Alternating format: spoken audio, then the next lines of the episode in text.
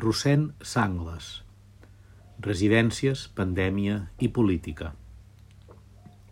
El diari del confinament d'Acció per la República.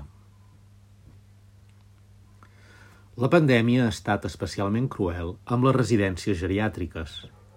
La convivència diària de tantes persones de risc, el contacte tan estret dels usuaris amb les auxiliars de geriatria i l'accés freqüent a les instal·lacions dels familiars que els visiten propicien unes condicions idònies per a l'extensió de la malaltia. Calia prendre mesures molt abans del que s'ha fet per a desactivar a temps la bomba sanitària. Mentre mantenia la plenitud de les seves competències, el govern de Catalunya segurament hauria pogut fer molt més, igual que la resta d'autonomies i el govern central. Només l'autocrítica i la transparència ens capacitaran per no caure en els mateixos errors en el futur. A més, el govern espanyol, en els successius decrets i mesures dictats des que ha començat l'estat d'alarma, ha decidit desentendre's pràcticament de les llars d'avis, si exceptuem la utilització propagandística que n'han fet en benefici de l'exèrcit. Sobre el paper, les residències continuen essent competència autonòmica en ple estat d'alarma per aquesta abstenció de la autoritat única. El mal ve de l'exterior. De la mateixa manera que el virus arriba a les residències des de l'exterior, la possibilitat de combatre-lo un cop dins és inseparable del que es faci fora de les seves portes – a les residències es pateix la mateixa imprevisió inicial i la mateixa mala gestió de la pandèmia que afecten el sistema sanitari i tota la societat. La manca de proves diagnòstiques i d'equips de protecció individual ha estat general, no només a les llars d'avis. Quan s'han pogut fer algunes proves, les places dels altres centres sociosanitaris ja estaven massa ocupades per poder-hi derivar els residents contagiats – Potser la situació hauria estat diferent si s'haguessin pres mesures immediates i radicals d'aïllament dels principals focus de contagi. Un distanciament social més dràstic des del primer moment també hauria evitat, en part, contagis del personal de les residències, que poden haver portat el virus a l'interior dels centres.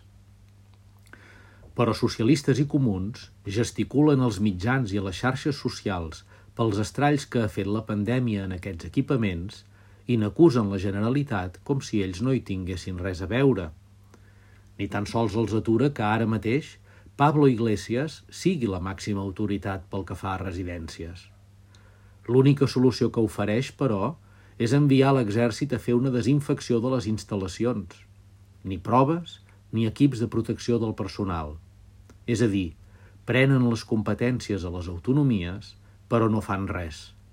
Resten tan immòbils que esdevenen invisibles i ningú no recorda les responsabilitats que ells mateixos s'han atribuït. A la mínima oportunitat que se'ls presenta, assenyalen el govern de la Generalitat, de vegades personalitzant absurdament, però no innocentment, en el president Torra, amb la mateixa còlera amb què crucifiquen mediàticament qualsevol polític o científic que gosa proposar mesures diferents de les adoptades pel govern espanyol.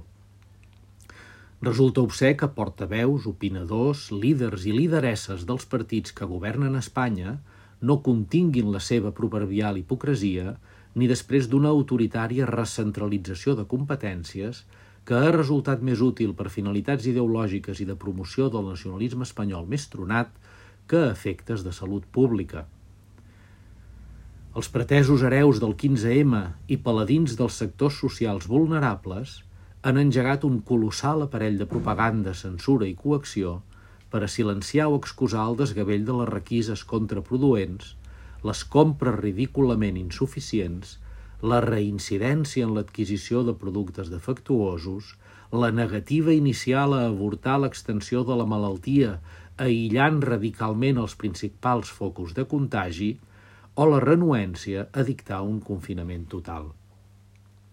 Potser pretenen que les residències siguin l'excepció en el país que en aquest moment presenta l'índex de mortaldat per coronavirus més elevat del món, malgrat els discutits criteris imposats per al recompte de defuncions per coronavirus.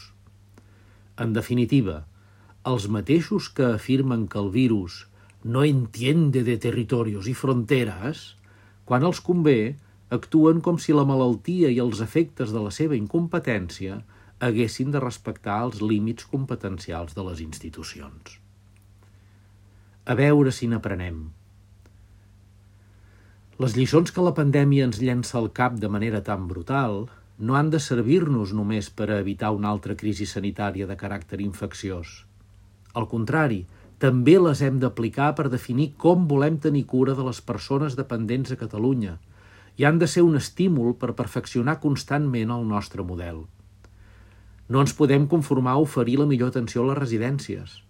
Hem d'aspirar a demorar al màxim el moment de l'ingrés a les institucions geriàtriques, perquè el desig de la majoria de les persones és viure a casa seva tant de temps com sigui possible, si pot ser, fins al final de la vida.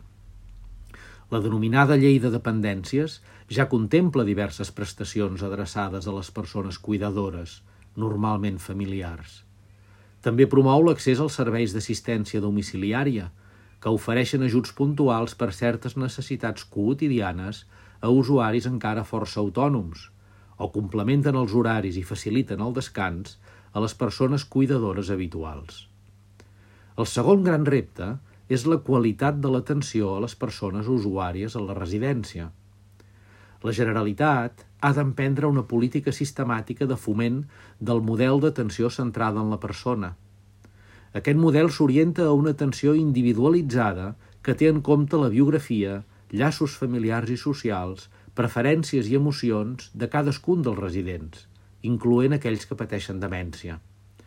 Fer de l'atenció centrada en la persona la pràctica generalitzada a les residències exigeix un canvi cultural a tot el sistema l'administració, les propietats i direccions dels centres, els diferents perfils professionals de la geriatria i fins i tot els familiars de les persones usuàries. L'atenció centrada en la persona requereix també unes auxiliars de geriatria vocacionals, motivades, amb autoestima per la funció que fan, amb règims laborals estables i més ben remunerades que ara. Elles són les que tenen el contacte més constant i més íntim amb els residents. Els lleven, els renten, els peixen i els alliten. També els escolten i hi parlen, els besen i els abracen. La manera com treballen aquestes persones defineix si la cura dels nostres avis es redueix a una simple qüestió mecànica a resoldre amb la màxima rapidesa i rendibilitat, o bé és un àmbit de tracte humà, respectuós, adaptat amb les seves personalitats, decisions i preferències, sense autoritarisme ni infantilització i amb sensibilitat per les emocions de cada usuari. Aquesta feina no té el reconeixement social que mereixen les bones professionals. Possiblement hi influeixen els prejudicis de gènere, perquè molt majoritàriament són dones, i la imatge que hi ha del tracte amb persones dependents, especialment les que tenen demència. Tota la vida m'han vist com una rentaculs i ara em tracten com una heroïna, deia un dia d'aquests de pandèmia un auxiliar de geriatria. Tots aquests reptes qualitatius i quantitatius no es resoldran amb un model de clíniques privades pertanyents a grans empreses que tenen com a objectiu fonamental retribuir el màxim possible el capital dels accionistes, sovint grans fons d'inversió. Les residències han de ser públiques o bé propietat d'organitzacions sense afany de lucre que tenen com a vocació i finalitat única la millor atenció a la gent gran i apliquen tots els seus excedents a la millora de l'atenció als usuaris. Més hipocresia. Per enfrontar-se a aquests reptes, el primer que cal és voluntat real de resoldre'ls, i no tothom la té. A Catalunya, ciutadans, populars, socialistes i comuns, de vegades amb un èmfasi que frega la demagògia, reclamen a la Generalitat unes mesures que requereixen increments notables dels recursos aplicats. En contrast, no exigeixen amb la mateixa força que l'Estat aporti el 50% de la despesa total en dependències que fixa la llei. I quan han governat Espanya, ni tan sols han trobat convenient complir allò a què la llei els obliga. La diferència entre els recursos que l'estat espanyol hauria de transferir als governs dels països catalans segons la denominada llei de la dependència, i les aportacions que ha fet des de la seva aprovació, suma una xifra de gran magnitud. És una quantitat de diners més que prou elevada com perquè qui incompleix obstinadament la llei a Madrid passi almenys una mica de vergonya quan exigeix la seva total aplicació a Barcelona. Serà un gran pas que partits polítics i societat civil, especialment la taula del tercer sector, siguin inflexibles i constants en la reclamació del que correspon a Catalunya. També s'han de comprometre a observar una mútua lleialtat en aquest àmbit i acordar uns criteris de millora continuada per oferir a la nostra gent gran una atenció de qualitat, amb la garantia que cada dia i en cada moment es respecta el seu dret a dirigir les seves vides. Perquè encara que fallin les cames, s'emboirin les percepcions, apareguin forats a la memòria, la salut fluixegi i el pensament s'encalli, la individualitat sobirana, la personalitat, les emocions i la dignitat humana no desapareixen. De vegades, individualment i col·lectivament, sembla que no ho tinguem prou present.